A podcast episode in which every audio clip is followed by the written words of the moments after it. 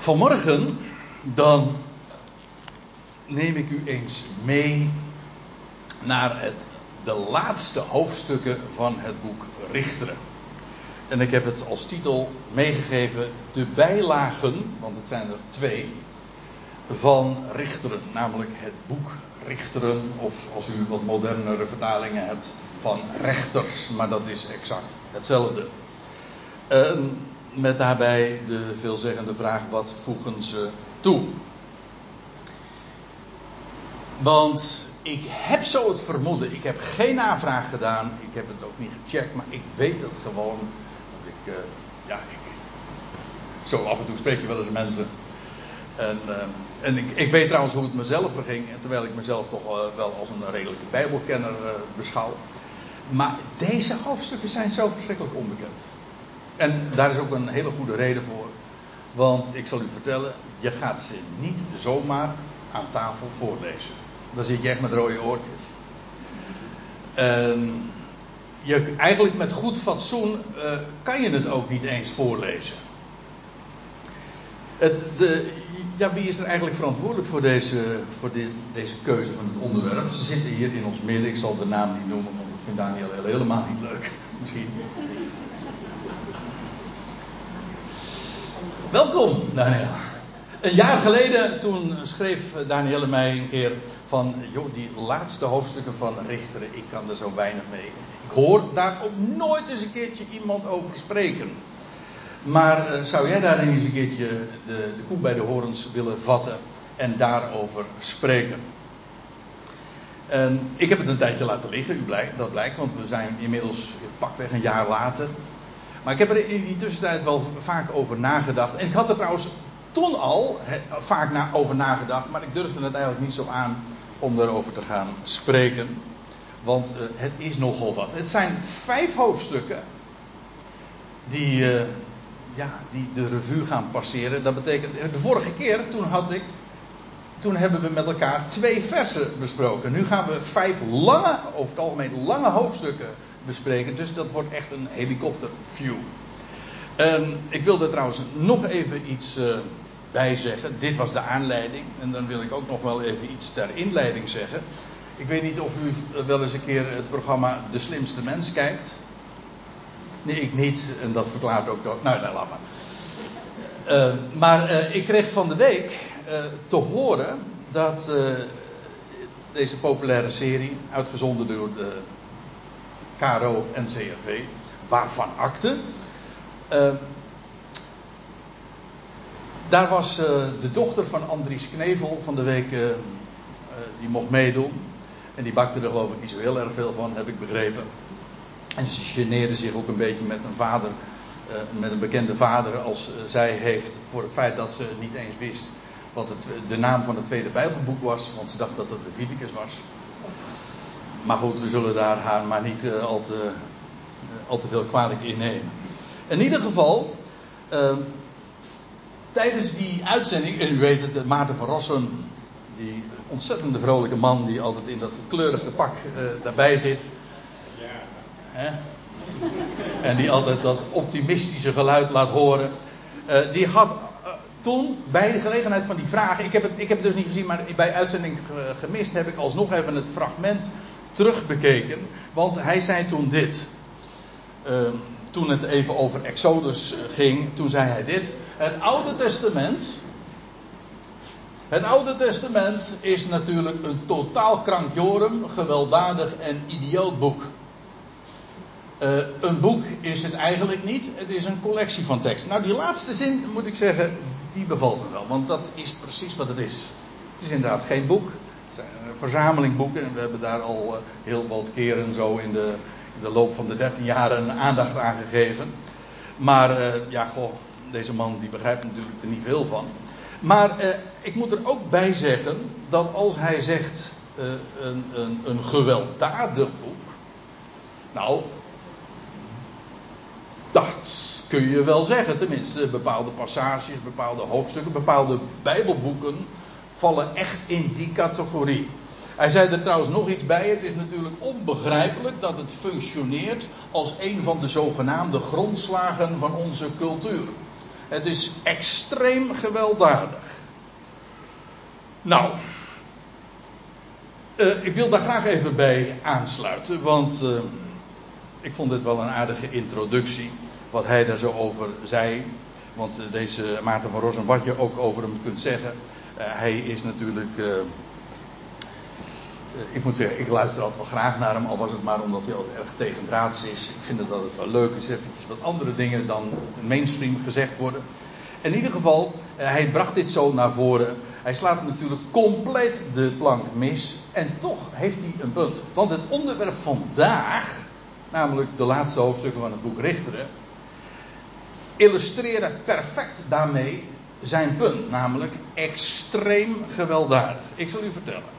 We gaan het allemaal niet lezen, want ik zei al, het zijn vijf lange hoofdstukken over het algemeen. Het is, uh, je moet er echt voor gaan zitten om het, uh, om het tot je te nemen. Maar er is sprake. Nou, ik geef eventjes een verzameling. Uh, van groepsverkrachting. Afschuwelijk. van rechtsverkrachting. Het recht struikelt als er recht gesproken wordt dan in het notabene in het boek dat rechters heet. Trouwens, eh, de naam dan speelt in deze hoofdstukken ook een grote rol. We zullen het straks nog zien. En dan betekent Danielle recht, rechter. Daniel. Maar in ieder geval, uh, ja, er zitten hier trouwens verschillende in de zaal die zo heten. Da Daniel, maar betekent God is rechter. Dan betekent rechter. Dat is het Hebreeuwse woord. Uh, maar in ieder geval, rechtsverkrachting. Extreem gewelddadig. Ook horror. Ik bedoel met horror bijvoorbeeld als een vrouw in twaalf stukjes gesneden wordt. Vind ik tamelijk horror. Hè? Uh, afgoderij, afschuwelijk. En ook de hypocrisie, in, met name in de rechtspraak, in de besluiten die genomen worden, eh, in de verhalen die verteld worden. Het is echt schrikbarend. En ja, de conclusie moet dan toch in ieder geval wel zijn dat deze hoofdstukken niet in de categorie zonderschoolverhalen passen. En de vraag is natuurlijk, wat doen deze verhalen dan in de Bijbel? Nou, kijk, Maarten van Rossum die zegt dan zo van ja dat deze boeken als onderdeel uh, het fundament van onze cultuur vormen. Nou, dat is een verhaal apart, maar uh, hij zegt, ja, het is toch eigenlijk geen moreel voorbeeld. Nou, dat kun je wel zeggen. Dat geldt trouwens voor het hele boek Richteren. Dat in zijn algemeenheid absoluut geen moreel, moreel voorbeeld is. Al zijn er bepaalde lichtende sterren in die donkere nacht. Mensen die leefden in de duisternis, jawel. Maar lichtende voorbeelden van geloof waren. Maar ik zal u dit vertellen, en dat is het grote punt. De Bijbel is ook niet moralistisch. Wat is het dan wel? Realistisch. En wat bedoel ik daarmee? Nou, moralistisch is dat je vertelt hoe de dingen zouden moeten zijn. Of hoe het behoort te wezen. Dat, dan heet iets moralistisch. Dan zit er een moraal in je verhaal. Zo zou het moeten zijn. Ik zeg niet dat het element helemaal ontbreekt, maar de strekking, en zo wordt de Bijbel dikwijls wel opgevat. Trouwens, dat geldt ook voor allerlei geschiedenissen. Mensen lezen dat, en wat dan, dan moet er een moraal in zitten, iets waar je je dan een voorbeeld aan kunt nemen. Zo eh, ging dat toen, en zo zou jij ook moeten leven. Dat is de standaard, de strekking van de, de manier waarop mensen de Bijbel opvatten en lezen. En in feite wat daarmee gezegd wordt, is dat, uh, dat in de Bijbel er om zou gaan dat hoe jij of ik of wij met elkaar zouden leven. En dat is nou net niet het punt. In de Bijbel gaat het niet om hoe de dingen moeten zijn, maar hoe de dingen zijn. Of hoe ze waren. Of, niet in het minst ook, hoe ze zullen zijn. En dan heet het profetisch. Maar dan beschrijft het hoe het is. Het gaat in de Bijbel niet om moraal, maar om de waarheid. Hoe de dingen zijn gegaan. En de waarheid is, bijvoorbeeld van die hele periode van de richter, dat het een afschuwelijk, doorgaans, een afschuwelijke periode van verval en van misstanden zijn. En de Bijbel beschrijft dat duidelijk. Zelfs zonder daar doekjes voor om, om te winnen. Sterker nog, soms zelfs door het te accentueren. Als je zegt de Bijbel kwalificeert als een moralistisch boek, dan kun je haar maar daarmee tevens ook disqualificeren. Als dat de strekking zou zijn. Maar daar gaat het ook helemaal niet om.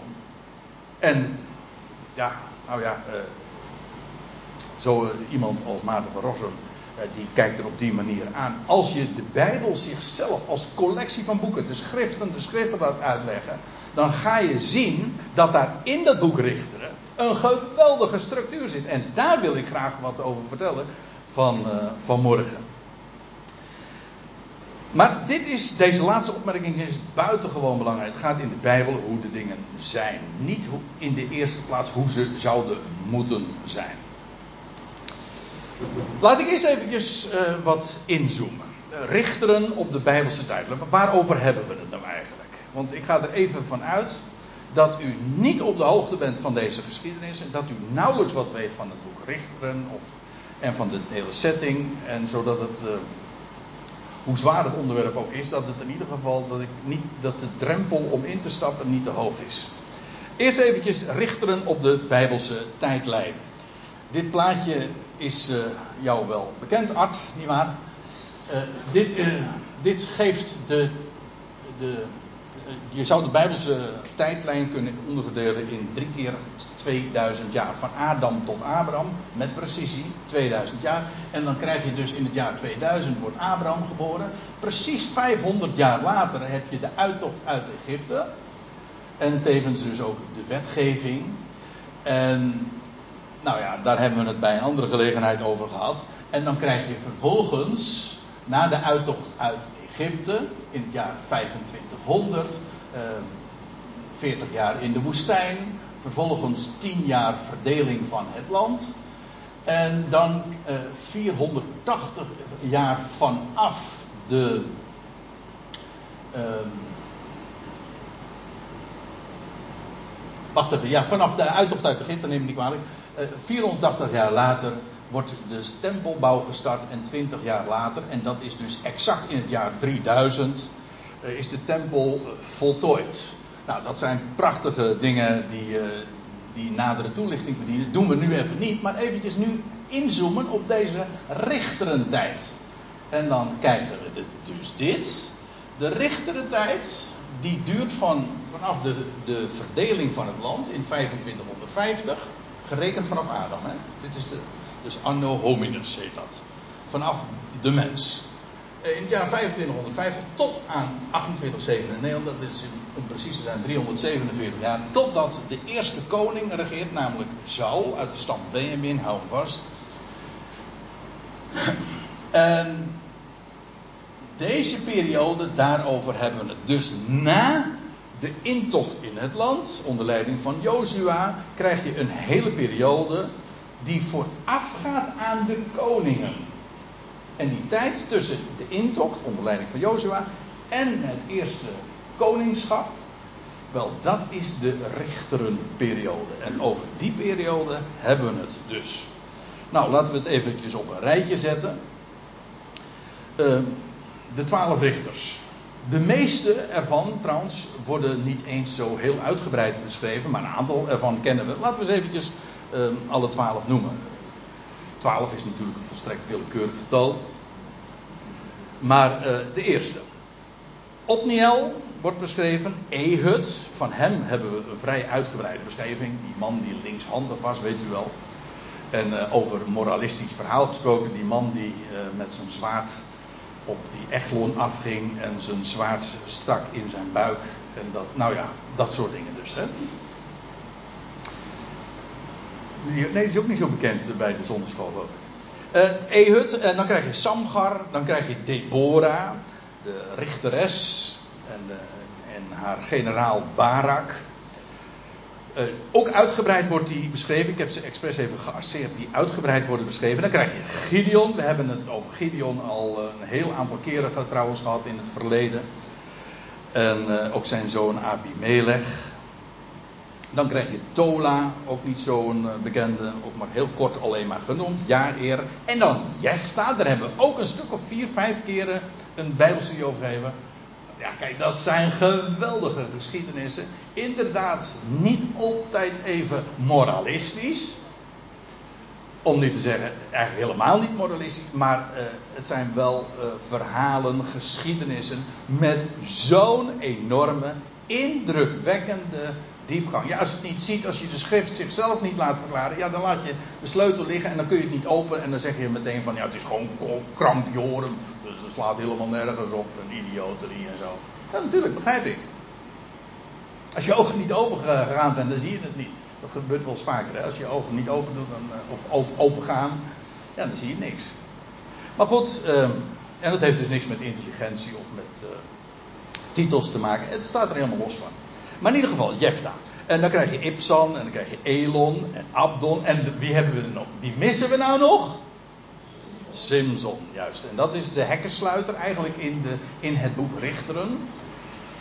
Overigens, ik moet erbij zeggen, dit zijn niet zomaar achtereenvolgende richteren per se, want uh, heel veel, er is ook heel veel overlap. Dat wil zeggen, de ene richter uh, uh, richtte tegelijkertijd met andere richters. Dus je kunt niet zomaar al die richterenperiodes achter elkaar plakken, want dat, dat is niet zo. Maar in ieder geval, dat waren de twaalf. En, nou, en dan komen we bij de laatste hoofdstukken. We komen er wel hoor, maar ik moet toch even deze inleiding houden om, om te zien waar we het over hebben. Want die laatste hoofdstukken van het boek Richteren maken feitelijk niet echt meer deel uit van het verhaal zelf, van de geschiedenis. Het zijn namelijk bijda, bijlagen bij het boek. Appendixen heet dat aanhangsels. Gewoon, vandaar ook dat plaatje met die paperclip. Ja, het is een bijlage. Dat blijkt trouwens ook wel, want het is, het is vermeld aan het eind van het boek. Maar ik zal u vertellen, we weten uit de beschrijving juist dat ze plaatsvinden aan het begin van de richterperiode. Ja, want de, dat blijkt gewoon simpelweg daaruit dat de hoofdrolspelers eh, kleinzonen zijn van respectievelijk Mozes en Aaron. Dat moet dus aan het begin van de richterperiode geweest zijn. Nou, dan moeten we toch eens eventjes kijken van waar gaan die geschiedenissen dan over. En ik moet u zeggen, ik vind dat een lastig onderdeel. Om dat even, deze lange hoofdstukken, samen te vatten. Want je moet echt eh, goed de, erbij blijven om het allemaal te volgen. Nou, je krijgt, ik zei, het zijn twee bijlagen. Hoofdstuk 17 en 18, dat gaat over Micha. Een ene Micha. En de Leviet, iemand uit de stam Levi, uit Bethlehem. En dan eh, krijg je in hoofdstuk 18 gaat het over de afgoderij van de stam Dan. En Dan daar ook helemaal in het noorden van het land. U kent misschien wel de, geschiedenis, de, de uitdrukking die heel vaak in de Bijbel voorkomt van van Dan tot Beersheba. En dat betekent eigenlijk van, van het uiterste noorden tot het, uh, tot het laagste of het diepste, of wat wil zeggen. Uh, het, beneden in het zuiden, ja. Van Dan tot Beersheba. En dan uh, ligt daar helemaal in het noorden, in tegen, wat tegenwoordig trouwens genoemd wordt de BK-vallei. In Libanon is dat zelfs. nou, dat is die eerste bijlage. En dan krijg je hoofdstuk 19, 20 en 21. Dan hoofdstuk 19, dat is denk ik in mijn beleving wel het dieptepunt. De schandaad in Gibea, een stad daar in, in, uh, in Ephraim.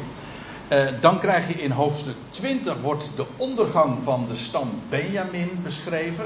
De bijna ondergang, eigenlijk dus de, de hele stam zou worden uitgemoord. Daar komt het echt op neer. Maar uh, dat gebeurt niet helemaal, want uiteindelijk, en dat is waar het boek Richteren dan ook mee afsluit, is dat dat uh, voorkomen wordt en Benjamins voortbestaan wordt toch verzekerd. Maar ook dat is weer zo'n apart verhaal. Nou, dit is even. Dit zijn de twee bijlagen van het boek. Maar nou wil ik u uh, ik zei al, ik vind het een beetje lastig, maar ik wil toch even, ik wil het even beschrijven wat er zo gaande is. Of wie heeft dit nu in de, aankondiging, in de aankondiging gezien en gedacht van, weet je wat, ik ga eerst eens eventjes deze hoofdstukken lezen. Ah kijk, dat zijn de echte, ja, ga eens even staan, ja.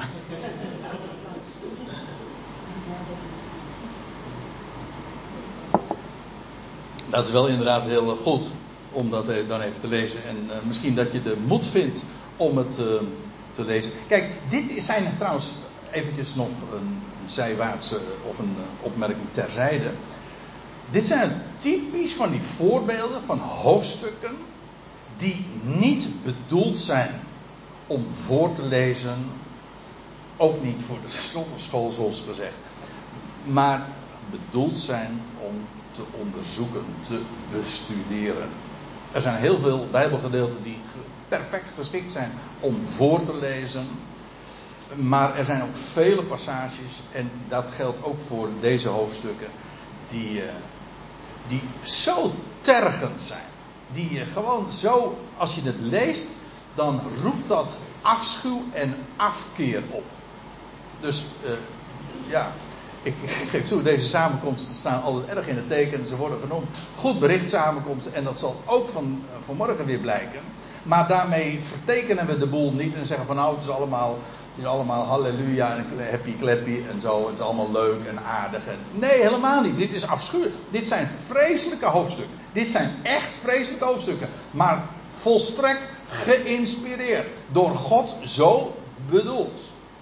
Om dat vast te leggen.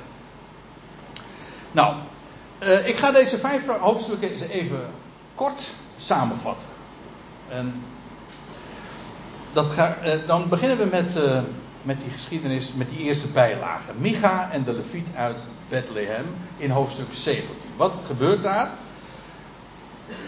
Nou, laat ik het maar gewoon, als ik het gewoon vrij uit ga vertellen, dan denk ik dat het verhaal te lang wordt. Dus ik, ik ga het maar gewoon voorlezen. Met misschien af en toe een klein zijstapje van, uh, van geld dat ene Micha, hij woonde in het gebergte van Ephraim, waarvan akte, uh, van geld dat Micha zijn, van zijn moeder gestolen had, maar ook weer had teruggegeven, laat vervolgens de moeder, die erg vermogend moet zijn geweest, dat blijkt uit het, de hoeveelheid geld namelijk, laat de moeder beelden maken, gewijd aan Yahweh, Ja, ik heb er achter gezet tussen haakjes sec. Dat betekent uh, geen commentaar. Want uh, dit is op zich al natuurlijk, dit klinkt als een dissonant. Ze laat beelden maken, gewijd aan Yahweh. Maar dat was nu juist wat Yahweh in de tien woorden zo uitdrukkelijk had verboden. Geen beelden van mij maken. Maar goed. Uh, hij, zij, zij laat dat dan door haar zoon Micha doen. En Micha plaatst dat in zijn huis, in zijn tempel die hij daar had. En dan krijg je in datzelfde hoofdstuk 17 dat een Levitische jonge man, waarvan pas aan het einde van de geschiedenis de naam vermeld wordt. Een Levitische jonge man uit Bethlehem, wordt tegen betaling door Micha aangesteld tot priester in diens huis. Er komt een, een Levitische jonge man daar langs. En hij komt uit Bethlehem. En die, ja, omdat hij een Leviet is, denkt Micha van, oh, een Leviet. Dus die moet in, eh, in mijn tempel uh, maar dienst gaan doen. En die wordt dan inderdaad aangesteld. En hij krijgt een salaris, wat trouwens ook al helemaal niet de bedoeling was. Maar goed. Uh, kijk, alles wat hier beschreven wordt is een registratie, maar alles is, zo, zo, goed als alles wat in dit hoofdstuk beschreven wordt, gaat in tegen dat wat in de Torah was onderwezen. Laat dat daar even duidelijk zijn. Dus het feit dat het beschreven wordt, is geen aanbeveling. Dat is, dat is die foute moralistische bril. Als je dat denkt, ja, dan heb je meteen al de foute afslag genomen. Goed, dat is hoofdstuk 17. Dan krijg je hoofdstuk 18, dat is een lang hoofdstuk. En ik heb dat als uh, titel gegeven: De afgoderij van Dan. Nou, wat, wat is er namelijk aan de hand? Dit is, sluit er direct op aan. Vanuit de stam van Dan worden vijf verspieders uitgezonden om het erfdeel van Dan uit te breiden. En daarom gaan ze, willen ze naar het noorden gaan. Maar op hun tocht passeren ze Micha's huis. En de priester. En die priester die geeft zijn zegen over hun voornemen. Klopt trouwens ook al niet, maar goed, eh, daar ga ik er niet iedere keer bij vermelden. Maar uh, oké. Dus die vijf mannen die gaan uh, met de aanbeveling van die priester, die, die, die man uit Bethlehem, gaan ze, gaan ze dan naar het noorden. Nou, zij gaan dan helemaal naar het noorden. Ik laat straks trouwens nog wel even een kaartje zien. En ze gaan naar de vreedzame stad Laïs. Uh, in, het, uh, in noorden. En ze doen thuis uh, vervolgens verslag. Dat plaatsje, dat is ideaal. Ligt daar helemaal in, in rust. En wat zij, wat zij bij thuiskomst rapporteren is: jongens, hier moeten we wezen. We gaan dit veroveren. Nou, vervolgens lees je dat de Danieten, de stam van Dan, met 600 man. Die moet je vasthouden, want 600 man komt nog een keertje terug. Bij een andere gelegenheid. Met 600 man trekken die Danieten vervolgens gewapend op. En terwijl ze daar naartoe gaan, nemen ze meteen ook even die, uh, die leviet met, met zijn beelden mee. Want ja, die kunnen ze wel dan gebruiken. De eigenaar Micha, die verzet zich daartegen, maar daar hebben die dan niet helemaal geen boodschap aan. Ik zeg, dit is een samenvatting dus, hè, want het verhaal is veel uitgebreider, maar dit, daar komt het even op neer. Uh, vervolgens uh, trekken die 600 man daar helemaal naar het noorden van Israël. En uh, dat Laïs wordt verwoest. Wordt met de grond gelijk gemaakt. Alle inwoners worden vermoord. Alsjeblieft. en vervolgens wordt de stad weer herbouwd. En dan krijgt Laïs een andere naam. Namelijk dus de naam Dan. Daar is het eigenlijk van, vooral ook bekend om geworden. En de beelden die, worden, die ze hadden gejat, zeg maar, en meegenomen, die worden daar opgesteld. En de leviet, die ze ook hadden meegenomen, die wordt daar priester. En aan het einde van het verhaal, dus het, ook vertaaltechnisch is dat heel interessant. Want pas aan het eind wordt de anonieme leviet ineens een naam gegeven. En dan blijkt dat hij Jonathan heet. En een kleinzoon is van Mozes. Een zoon van uh, Mozes, Gerson en dan Jonathan. Hè? zo kort na de intocht dat een leviet zich daarvoor leent. En dan blijkt dus aan het einde van, van deze eerste bijlage van nou dat, dat tekent nou de situatie van Israël. En ja, moet je nagaan hoe dat is zo bijzonder in het boek Richteren. Ik bedoel, ze hebben geweldige dingen meegemaakt daar in de woestijn, de intocht in het land enzovoort. Wonder op wonder. Zodanig zelfs dat de inwoners van Canaan met vrezen en beven zagen wat er gebeurde toen Israël in aantocht was, want ze wisten van God is met hen. Want er waren zulke geweldige wonderen gebeurd, dus dat was zo evident. Moet je maar eens een keertje aan Rahab, de, de hoer, vragen, weet je wel. Of zo eentje. Die wist er ook alles van. En dan blijkt met alles wat ze weten en wat ze, ze hebben meegemaakt, dat ze in no time het gewoon allemaal weer vergeten zijn. En als ik nou dan toch even moralistisch mag zijn, dan denk ik van, dit is toch wel iets, uh, dit geeft toch te denken. Dit is gewoon een beschrijving van hoe het gaat. En uh, van de week toen hadden we nog een, thuis een gesprek. En toen kwam de uitdrukking die ik destijds van mijn vader nog eens een keer hoorde. Uh, naar voren, namelijk hoe was het ook alweer? De eerste generatie verwerft, de tweede generatie beërft en de derde generatie verderft. Dat is geen wet van meden en persen. Dat hoeft niet zo te zijn. Het is geen morele wet dus. Hè? Het is gewoon hoe het gewoon vaak gaat. En je denkt van, nou ja, met deze, met deze know-how, met deze achtergrond zit je wel geramd, weet je wel. Dus joh, ik ben de zoon van. En dan uh, dat. Nee.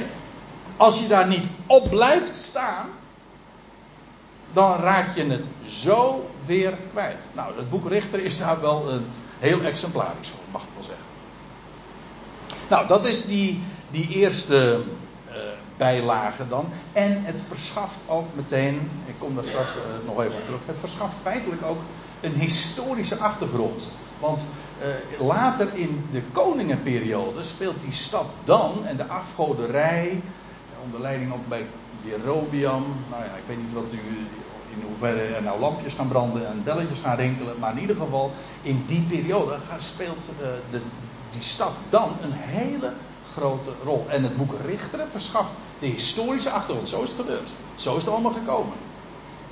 Goed, nou dan komen we bij de tweede bijlage. En ik zei al, hoofdstuk 19 is wat mij betreft het absolute dieptepunt. De schandaad in Gibeah. Want wat gebeurt er dan en wat wordt daar beschreven? Een leviet trekt van het gebergte Ephraim. Hé, hey, weer een leviet. Ja, weer een leviet. Hé, hey, weer van het gebergte Ephraim. Ja, weer van het gebergte Ephraim. Een hele andere geschiedenis, een hele andere bijlage. Kijk, dat zijn van die dingen waar je over moet struikelen. Zo van, hé, hey, wat is hier aan de hand? Uh, die trekt naar Bethlehem, nog zo'n stad, weer Bethlehem. Zo'n onogelijk kleine stad, daar even een paar kilometer verwijderd van, van Jeruzalem. Toen trouwens ook nog een rol speelde. Maar goed, uh, die, een leviet trekt van het gebergte Ephraim naar Bethlehem om zijn bijvrouw. Ja, ja, dat is ook nog een mooi verhaal natuurlijk. Maar goed. De meeste mensen hebben hun handen al vol aan. Nou ja, daar mag ik ook niet, mag ik ook niet bij zeggen. Uh, om zijn bijvrouw die hem had verlaten weer terug te houden. Schrijven nadig.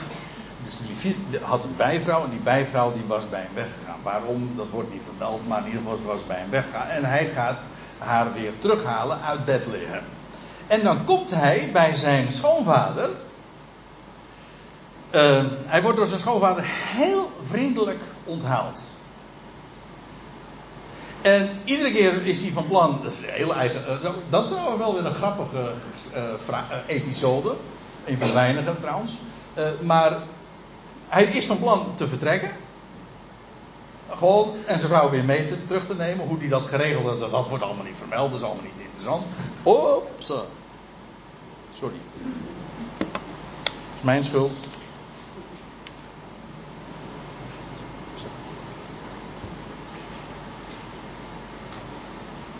Zo raak ik mijn bijlage kwijt, hè? Ja,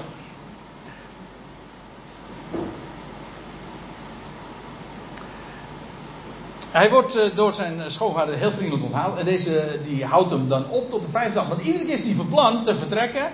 En, maar dan wordt het weer zo gezellig. En ze joh, blijf nog, blijf nog een keertje nacht. En dan lezen ze eten, ze drinken. En ze. En, en, zo gaat de, de, volgende dag zou hij weer vertrekken. En, nee, gaat, en weer tot de vijfde dag aan toe. Ja. En dan lees je dat hij uiteindelijk dan inderdaad toch teruggaat met zijn bijvrouw weer terug. En dan overnacht hij in Gibeah. Dat ligt, dat ligt allemaal niet zo ver bij elkaar vandaan. Uh, in, de, in het stamgebied van Benjamin. Uh, nou ja, hij komt daar op het plein terecht. En niemand uh, vraagt hem mee om te overnachten. En dat gaat echt tegen de Midden-Oosterse regels in van gastvrijheid. Want dan, als je iemand dan treft, dan laat je hem niet op het plein achter. Zo ging dat. Je moet eventjes ook even in de gedachte houden. We praten over een geschiedenis die pakweg 3500 jaar geleden heeft plaatsgevonden. Dat is een heel andere tijd, heel andere gewoonte enzovoort. Maar in ieder geval, uh, hij, uh, hij wordt, uh, komt, uh, zij, moet ik eigenlijk zeggen, hij en zijn, zijn bijvrouw, die zijn er dan op het plein. En dan worden ze door een oude man eigenlijk, die, die zich ontfermt over hen. En ze zeggen, joh, kom bij mij slapen. Nou, en dan lees dit is echt zo afschuwelijk. De inwoners van de stad, die omsingelen dan vervolgens dat huis. En die eisen dan die leviet op, want ze willen hem, ze willen gemeenschap met hem hebben. Deze, waar doet je die geschiedenis aan denken? Dit is gewoon Sodom en Gomorra. Echt. Trouwens, ja, dat, ik heb dat nu niet gedaan. Ik, ik, zou eens eventjes een diaatje moeten maken. Met een overeenkomst tussen de geschiedenis van Lot en die bezoekers in Sodom, Sodom, ja, uh, die daar dan zijn. En deze geschiedenis, want dat lijkt als twee druppels water op elkaar. Het, is het, de, het, eh, het verband wordt ook gewoon verhaaltechnisch gelegd. Zo van, dit is gewoon Sodom en Gomorra. Maar nu in het land notabene. Israël.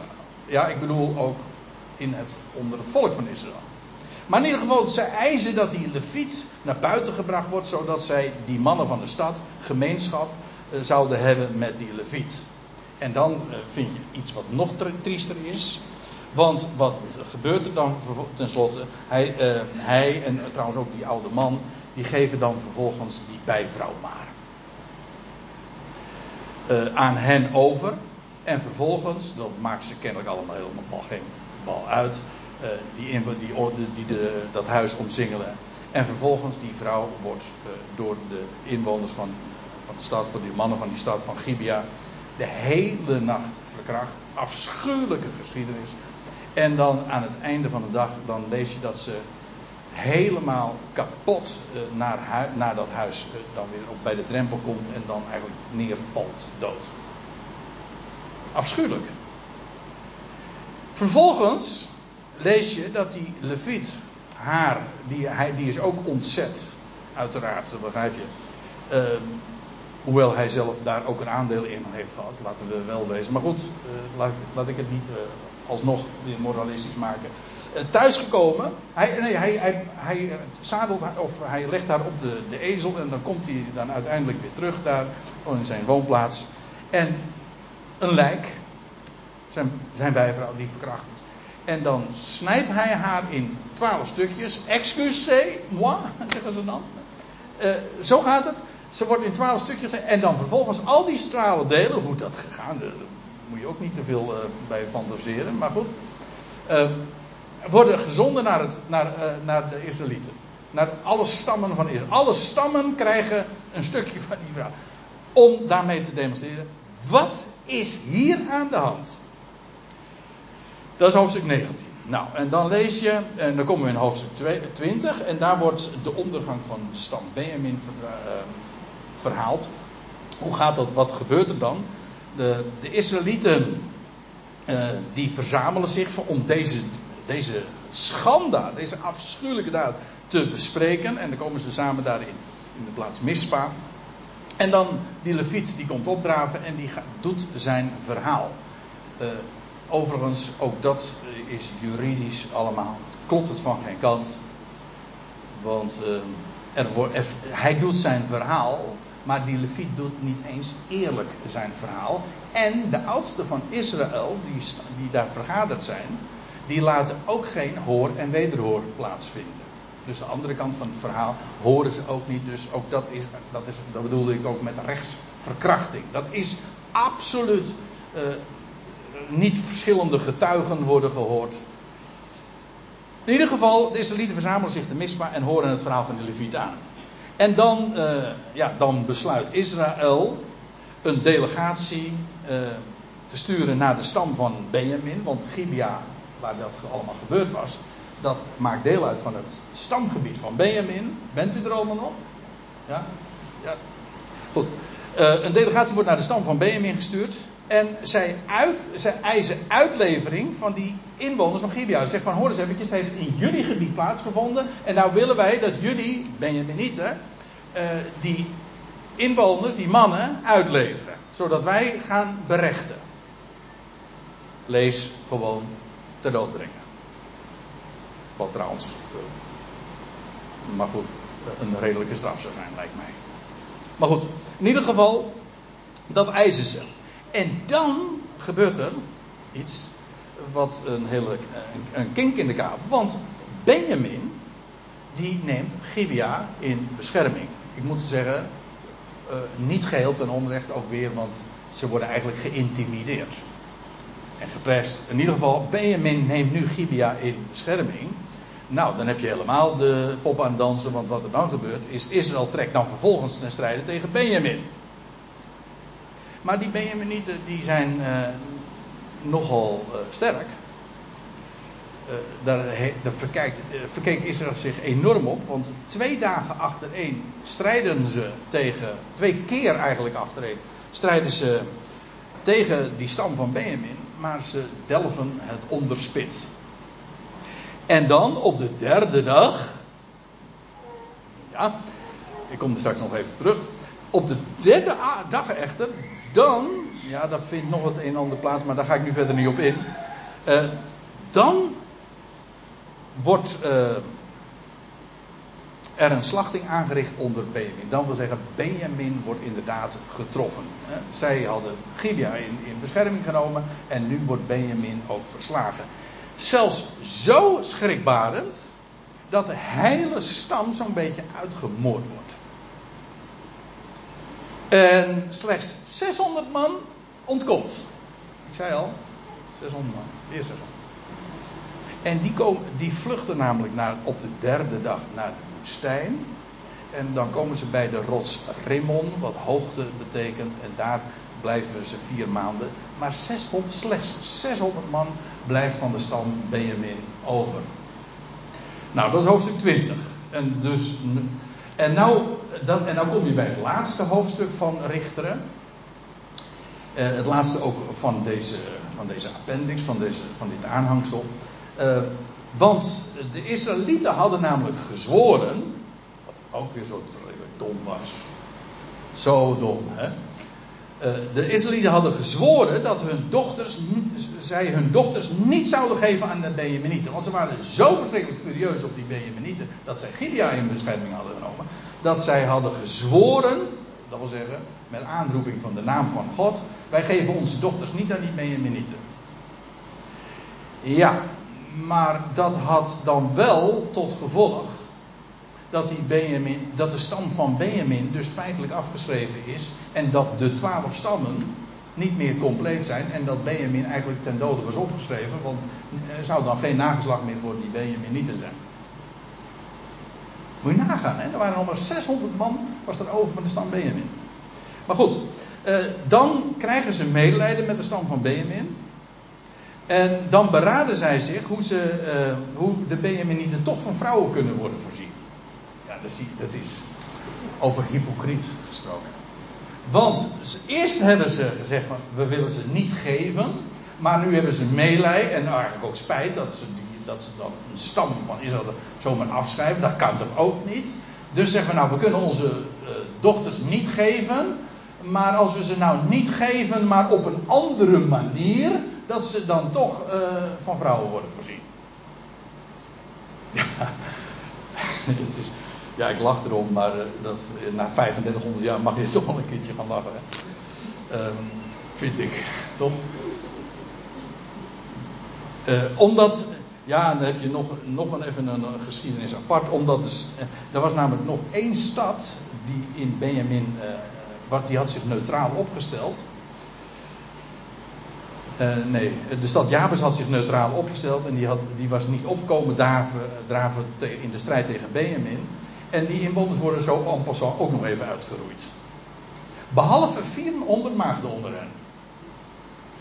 Ja, die waren expres overgelaten en, en die worden dan gegeven aan die Benjaminieten. Maar toen hadden ze nog 200 tekort. Snapt u nog? Ja, nou, de overige benodigden. En wat moeten we daar doen? Dit is, dit is, daarmee eindigt het boek. Maar dit is het toppunt van hypocrisie dan. Want de overige benodigde maagden. Nog 200. Die moesten de Benjaminieten zelf maar roven. Bij een van Israëls hoogtijden. Als ze dan optrokken naar Silo, want daar stond het tabernakel. En dan de Israëls leidslieden. Die beloven dan aan Benjamin we zullen het zo doen. Gedogen. Schaak gewoon. roof gewoon als die, als die meiden dan uh, op, optrekken naar Silo. En ze dansen. En dan komen jullie van achter de struik enzovoorts. En dan, uh, dan pakken jullie 200 uh, eh, maagden. En wij doen dan zo. En dan, en dan zijn jullie toch voorzien. En wij, en wij hebben ons aan onze eet gehouden. Want we hebben ze niet gegeven. Maar jullie hebben ze geroofd. Netjes hè? Begint u, begint u waardering te krijgen voor Maarten, Maarten van Rossum's opvattingen? Als je daar oppervlakkig naar kijkt, dan zeg je van wat is dit? Maar het hele punt is, zo het, wordt het ook juist neergezet om afschuw op te roepen. Een, reactie die onvermijdelijk is voor elke eerlijke lezer die gewoon open-minded leest. Dit is onrecht op gruwel, op wandaden, afschuwelijk.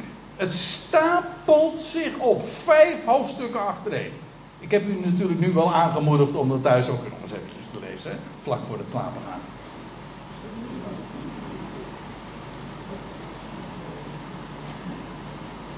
Nou, nu heb ik in vijf, eventjes, eh, goh, hoe lang heb ik erover gedaan? Een kwartier, twintig minuten, om deze vijf hoofdstukken uh, samen te vatten. Dit is de geschiedenis in deze vijf hoofdstukken. Ja, en nou kom ik uiteindelijk bij de vraag die uh, ik in aanvang al had gesteld, namelijk die bijlagen van Richteren. Richteren 17, 18, 19, 20, 21. Die vijf hoofdstukken. Die twee bijlagen van Richteren. Wat voegen ze toe? Ja, ze voegen twee bijlagen. Maar wat is de toegevoegde waarde? Wat, is, wat is nou de inhoud en wat is ja, de waarde van deze toevoeging? Nou, ik ga u, eh, dat is een mooi getal, maar dat is min of meer toevallig hoor. Ik ga u zeven redenen geven waarom deze hoofdstukken zijn toegevoegd. De eerste is deze. Ja, en die ligt nogal voor de hand. Die had u zelf kunnen bedenken. Maar ik noem hem toch even, want uh, deze, deze bijlagen, die zijn waarom zijn ze gegeven? Uh, omdat ze illustratief zijn voor de hele richterenperiode. Het wordt aan het einde pas aan het boek toegevoegd, hè, als bijlage. Terwijl het eigenlijk al aan het begin van het boek plaatsvindt. Maar in feite is met deze geschiedenissen de toon gezet. Dit is de richterenperiode. En de tweede reden die ik noem, die heb ik eigenlijk al even aangegeven. Ik kan daar nu even heel kort dus aan voorbij gaan, uh, aan, uh, alleen maar even aanstippen. Die eerste bijlage, die verschaft, en dat is een historische reden, er verschaft namelijk de historische achtergrond van de afgoderij in het noordelijke Dan. Ziet u het plaatje een beetje? Uh, hier, heb je, hier trouwens die plaatsen. hier bewoonden de Danieten in aanvang.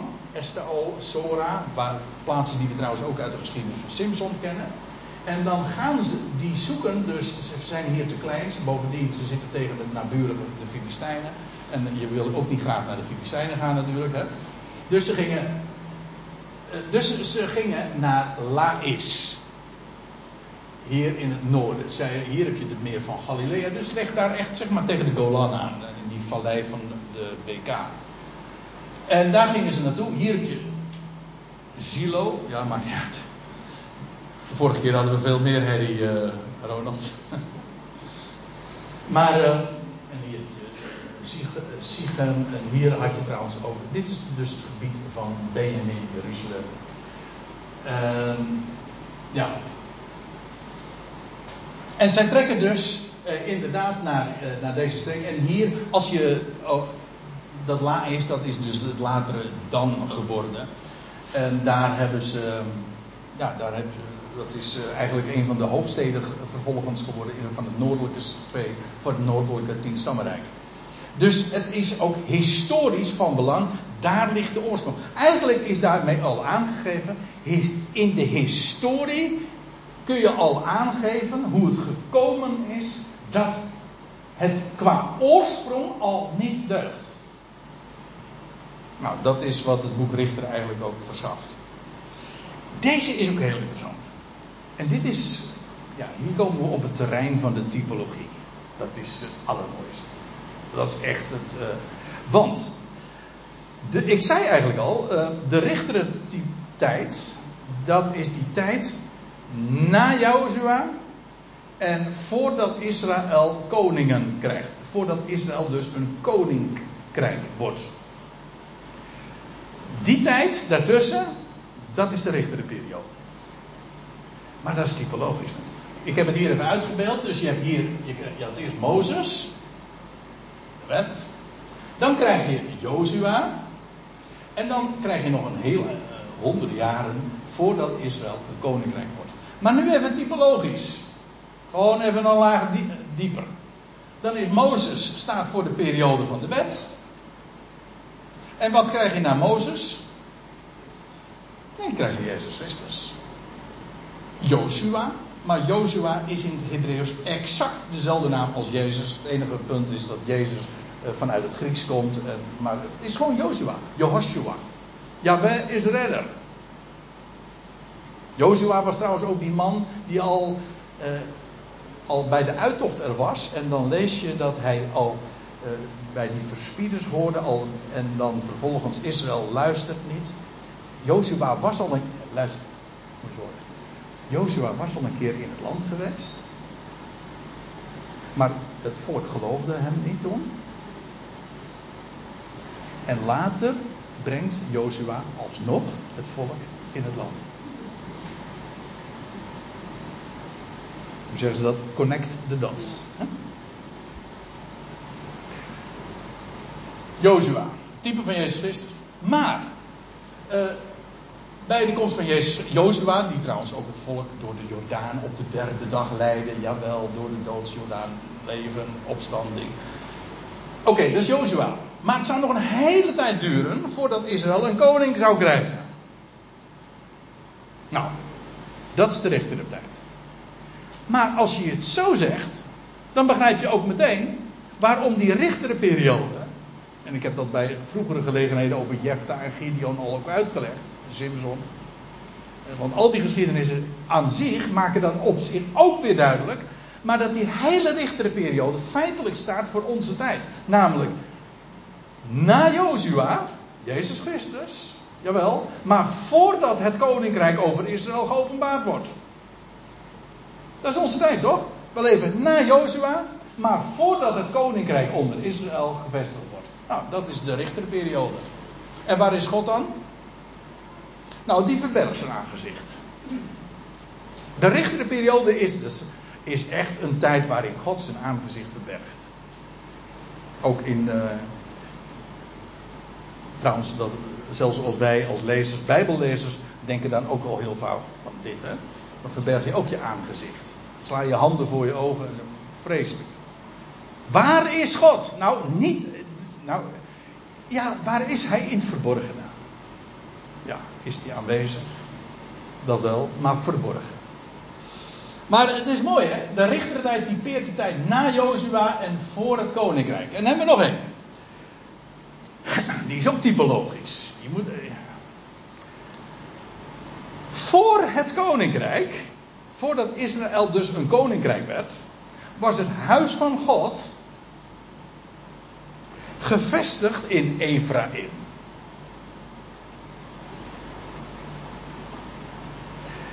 Ja. En in ja, dat is namelijk belangrijk, want dat, ik zei al, dat gebergte van Ephraim speelt in die beide bijlagen een grote rol. Waarom? Dat, omdat in het gebied van Ephraim had je Silo, de stad, of het stadje Silo, en daar was de tabernakel gehuisvest. Het was nog geen tempel, dat zou pas in de dagen van de koningen komen, maar de tabernakel, een tent. En waar bivakkeerde die tent? In het gebied van Ephraim. En wat is daar zo belangrijk aan, of zo bijzonder aan? Wel, Ephraim. Wat was er met Ephraim ook weer aan de hand? Aan Ephraim was het eerste geboorterecht gegeven. En ja, dat is. Kijk, het, je moet zo zien. Het huis van God zal ooit in Jeruzalem staan. Maar dat is pas in het koninkrijk. In onze dagen tabernakelt het, het huis van God onder de natie, waar Ephraim het eerstgeboorterecht ontvangt. En ik vind het heel lastig om deze nu in vijf minuten uit te leggen. Ga ik ook niet doen, maar ik heb de vorige keer. Eh, nou, een, eh, wat, eh, jaar geleden was dat, toen we het hebben gehad over de tien stammen van Israël en Ephraim, over Jacob die op zijn sterfbed dan Ephraim zegent en dan zijn handen kruist en dan zijn rechterhand op, op de zoon, of zijn kleinzoon die links van hem is. legt en dan hem de zegen geeft. En hij zegt van jou komt het eerstgeboorterecht toe. En wat blijkt dat eerstgeboorterecht dan te zijn? Dat je uit jou een volheid van natie komt. Dus Ephraim, model voor de tien stammen, zou uiteindelijk ook onder de natieën komen en daar het eerstgeboorterecht krijgen. Die is moeilijk hoor, dat weet ik. En als je zegt van in deze snap ik geen bal van, dan heb ik daar alle begrip voor. Maar ik weet niet hoe ik deze simpeler kan vertellen. Laat ik het zo zeggen. Vandaag, in deze tijd, waar uh, is het eerstgeboorterecht terechtgekomen onder de natie? Ik bedoel, het eerstgeboorterecht is uiteindelijk niet bij, bij Israël, maar bij de gemeente terechtgekomen. Waar woont God vandaag? Wel bij Ephraim. Dat wil zeggen, onder de natie, in het verborgen. Dat spreekt van de tegenwoordige tijd. Ja. En uh, als u, trouwens, Romeinen 11, vers 25, daar lees je dat ook uh, over, de, over die volheid van natieën. Totdat de volheid van natieën zal ingaan. Goed. Ik kan me voorstellen dat dit vierde punt problematisch wordt voor het verstaan. En anders parkeer ik hem maar. Maar ik moet u zeggen, maar dat is persoonlijk. Ik vind deze reden de allermooiste. Is dan een beetje jammer als die u ontgaat. Maar het zij zo. Maar daar komen we bij een andere gelegenheid denk ik nog wel eens een keer op terug, want ik vind het prachtig. Goed, dat is dus uh, waarom dat gebergte van Ephraim zo'n grote rol speelt. En waarom die levieten daar ook in het gebergte van Ephraim zijn. Ja, daar hadden ze hun taak. Ja. Goed, nou, uh, deze, deze is simpeler. Want in het boek, in deze hoofdstukken van, het, uh, van deze bijlagen, daar heb je een refrein, weet je dat? Trouwens, dat, klinkt, dat refrein klinkt in het hele boek, maar ook in deze twee bijlagen klinkt iedere keer, en ik laat het u zien, ik laat ze alle in hoofdstuk 17, vers 6, dan lees je: In die dagen was er geen koning in Israël. Ieder deed wat goed was in zijn eigen ogen. En dan, hoofdstuk 18. In die dagen was er geen koning in Israël. Kijk, Waarom wordt dit iedere keer benaderd? Gewoon om daarmee, omdat de verteller, de verhaler, de geschiedschrijver iets wil aangeven. Dit is de tijd dat Israël nog geen koninkrijk is. Of zal ik het dan nog anders zeggen, maar nou typologisch ook. Dit gebeurt in de tijd dat het koninkrijk nog niet gevestigd is over en onder Israël. En ieder maar gewoon doet wat goed is in zijn eigen ogen. En dat betekent in de praktijk dat hij alleen maar kwaad doet. Leuk hè? Eigenlijk, daar komt het op neer. Iedereen doet wat goed is in eigen ogen. En dus gebeurt er geen goed. Het is allemaal kwaad. Opeenstapeling. En ja. En wachten is, wanneer komt er dan eindelijk gewoon publiekelijk openbaar recht? Nou, dan moeten we wachten tot er een koning komt. In Israël. Ja. Hoofdstuk 19. Nu gebeurde het in die dagen. Toen er geen koning in Israël was. Ja, dat wisten we toch al. Ja, maar dit is juist om te benadrukken. Dat het dus in de tijd is dat het koninkrijk nog niet gevestigd was in Israël. Hoofdstuk 21, zo eindigt het boek dan. In die dagen. Oh, dat is trouwens het laatste. Als ik me niet vergis, het laatste vers van het boek Richteren. In die dagen was er geen koning in Israël. Ieder deed wat goed was in zijn ogen. Dit is de refrein. Geen koning. En ieder doet gewoon wat hij zelf zin heeft en wat goed is in zijn eigen ogen. En het tot. En het is één grote puinzooi en, en, en een opeenstapeling van kwaad. Dat is wat het boek Richter tekent. En als u zegt van, hé, hey, maar ik herken onze tijd daar enigszins in, dan zeg ik, nou, dan hebt u misschien toch nog aardig verstaan. Ja. Ik zeg van, waar, Houdt het nou nooit op? Hè? Nou ja, nee, ik, ik, zou dit haast op een andere toontje kunnen zeggen. Maar... Goed. Ja, dan komen we bij reden 6. ik moet opschieten, want ik, eh, de uur spreektijd is bijna vervuld. Um, ja, dit is, is, een hele boeiende. In de tweede bijlage, dus van hoofdstuk uh, 19, 20, 21, in die tweede bijlage wordt Benjamin de stam van Benjamin, gedisqualificeerd voor het leiderschap. Die is heel boeiend. Op de derde dag, weet u nog hè? De derde dag. De eerste twee dagen lukt het Israël niet. Maar op de derde dag wordt Israël, of pardon, de stam van Benjamin gedisqualificeerd voor het leiderschap.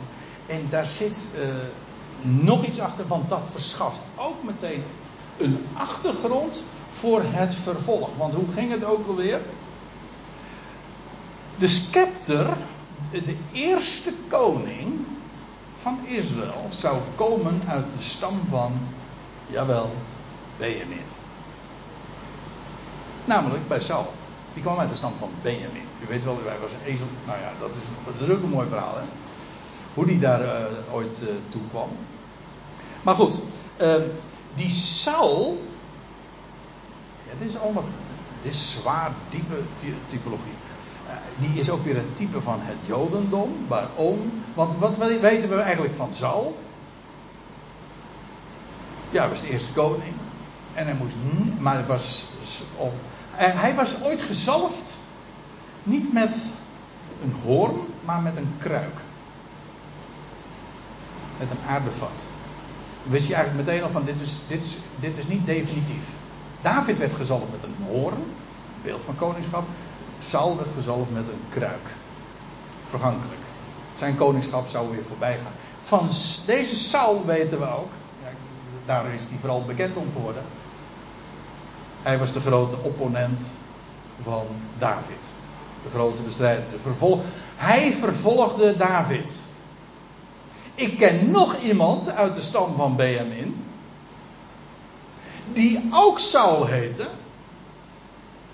En die ook David, maar dan de zoon van David vervolgde.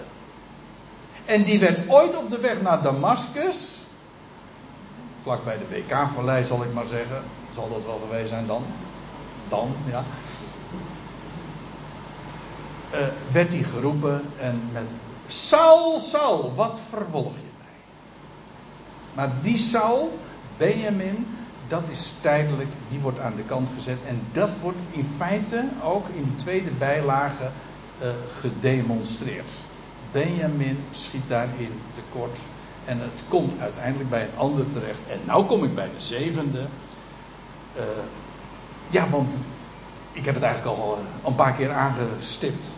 Maar Bethlehem, dat onogelijke kleine stadje, zegt Micha ook al, hè? Be, uh, Bethlehem Efrata. Al zijt gij klein onder de steden van Juda. Uit u zal mij voortkomen. Dat wil zeggen, stel er niet veel voor. Maar waarom is Bethlehem dan zo prominent in deze geschiedenissen aanwezig? In beide bijlagen. Ja, en wat je daarin gedemonstreerd ziet, is dat hoe donker het ook is, maar de vermelding van Bethlehem is eigenlijk al een lichtpunt van. Van daaruit gaat het komen. Kijk, het was. Eh, want weet je waar de eerste keer eh, Bethlehem genoemd wordt? Bethlehem Efrata. Dat was uh, toen. Ja, wie werd daar geboren? Benjamin. Ja, Rachel overleed bij de geboorte van haar jongste zoon, uiteraard de jongste zoon. Uh, je bij de geboorte. En toen zei ze: Ik noem hem Benoni. Benoni betekent zoon van mijn smart. Maar toen zei Jacob: Rachel, uh, nee, deze jongen gaat niet Benoni heten, zoon van mijn smart, maar zoon van mijn rechterhand. Benjamin, de zoon van smarten met de zoon van de rechterhand. Nou, dat is Bethlehem, dat was Ephrata. Schitterende geschiedenis natuurlijk. Maar daar begon Bethlehem.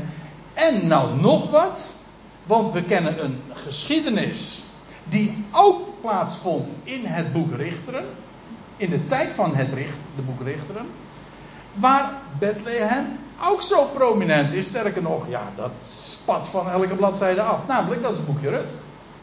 Hoe, staat, hoe begint het boekje Rut? Nou, ik zal het u voorlezen. Paul na richteren. Dan staat er dit. In die dagen dat de richters richten, gebeurde het dat er een hongersnood in het land was. En toen trok een man uit Bethlehem in Juda met zijn vrouw en zijn beide zonen. Nou ja, dan krijg je de geschiedenis van Naomi. En die dan weer terugkomt en dan ontmoet ze Boas en Rut. En uiteindelijk, vier generaties later of vijf generaties later, is daar David uit de stad Bethlehem. Dat is de reden waarom Bethlehem al zo'n rol speelt en zo prominent genoemd wordt in, die, uh, in, in het boek Richteren. Dat het is heel donker, maar het, alleen al het vermelden van de naam is zoveel zeggen. Daar komt het, uit dat huis komt het brood vandaan. Ja, dat is een woordspeling, want Bethlehem betekent Bethlehem, oftewel huis van brood. Daar komt de Messias vandaan. Daar is alle hoop op gevestigd. En als er een koning komt, dan komt hij uit Bethlehem. Dat is de plaats waar het allemaal gaat beginnen. Dus ja, uh, dat is net zo, goed, net zo goed als het vermelden van een naam veelzeggend is. Zo is het ook uh, heel veelzeggend als namen niet genoemd worden. De meeste, opvallen, het is heel opvallend, dat heb ik ook nog niet gezegd. Maar heel opvallend in deze hoofdstukken is dat, de, dat uh, heel veel figuren anoniem zijn. De leviet wordt niet genoemd. Ja, uiteindelijk wordt hij dan toch benoemd. Maar juist door hem gewoon te noemen een leviet. En uh, ja, uh, zonder naam. Eigenlijk wordt daarmee, dat heeft een heel, dat noemen ze een generaliserend effect, krijgt dat. Hè. Stel je voor, ik zeg van, ik, ja dat was die Katwijker. dan door hem niet specifiek te benoemen, maak je het eigenlijk, door hem te benoemen als Katwijker, dan geef je eigenlijk, ja, generaliseer je eigenlijk het personage tot alle Katwijkers. Dan zou iedereen daar moeten worden aangesproken. En dat effect zie je ook in, het, in, in, de, in de verhaallijn van deze hoofdstukken.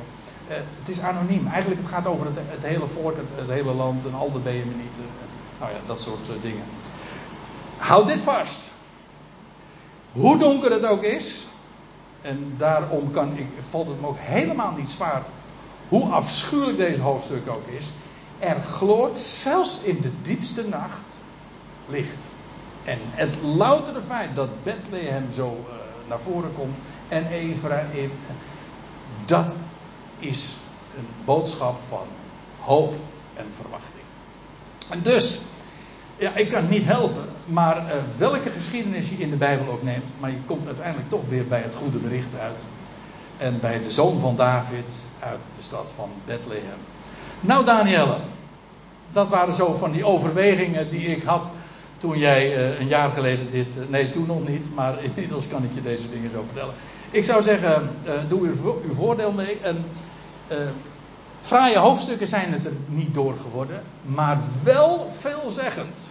En ik hoop ook inmiddels dat als u, mocht u van de week Maarten voor Rossum tegenkomen, dan kunt u misschien nog even verwijzen naar deze Bijbelstudie. Goed, nou, ik stel voor dat we het daar maar even bij laten. En excuus dat ik veel te lang gesproken heb.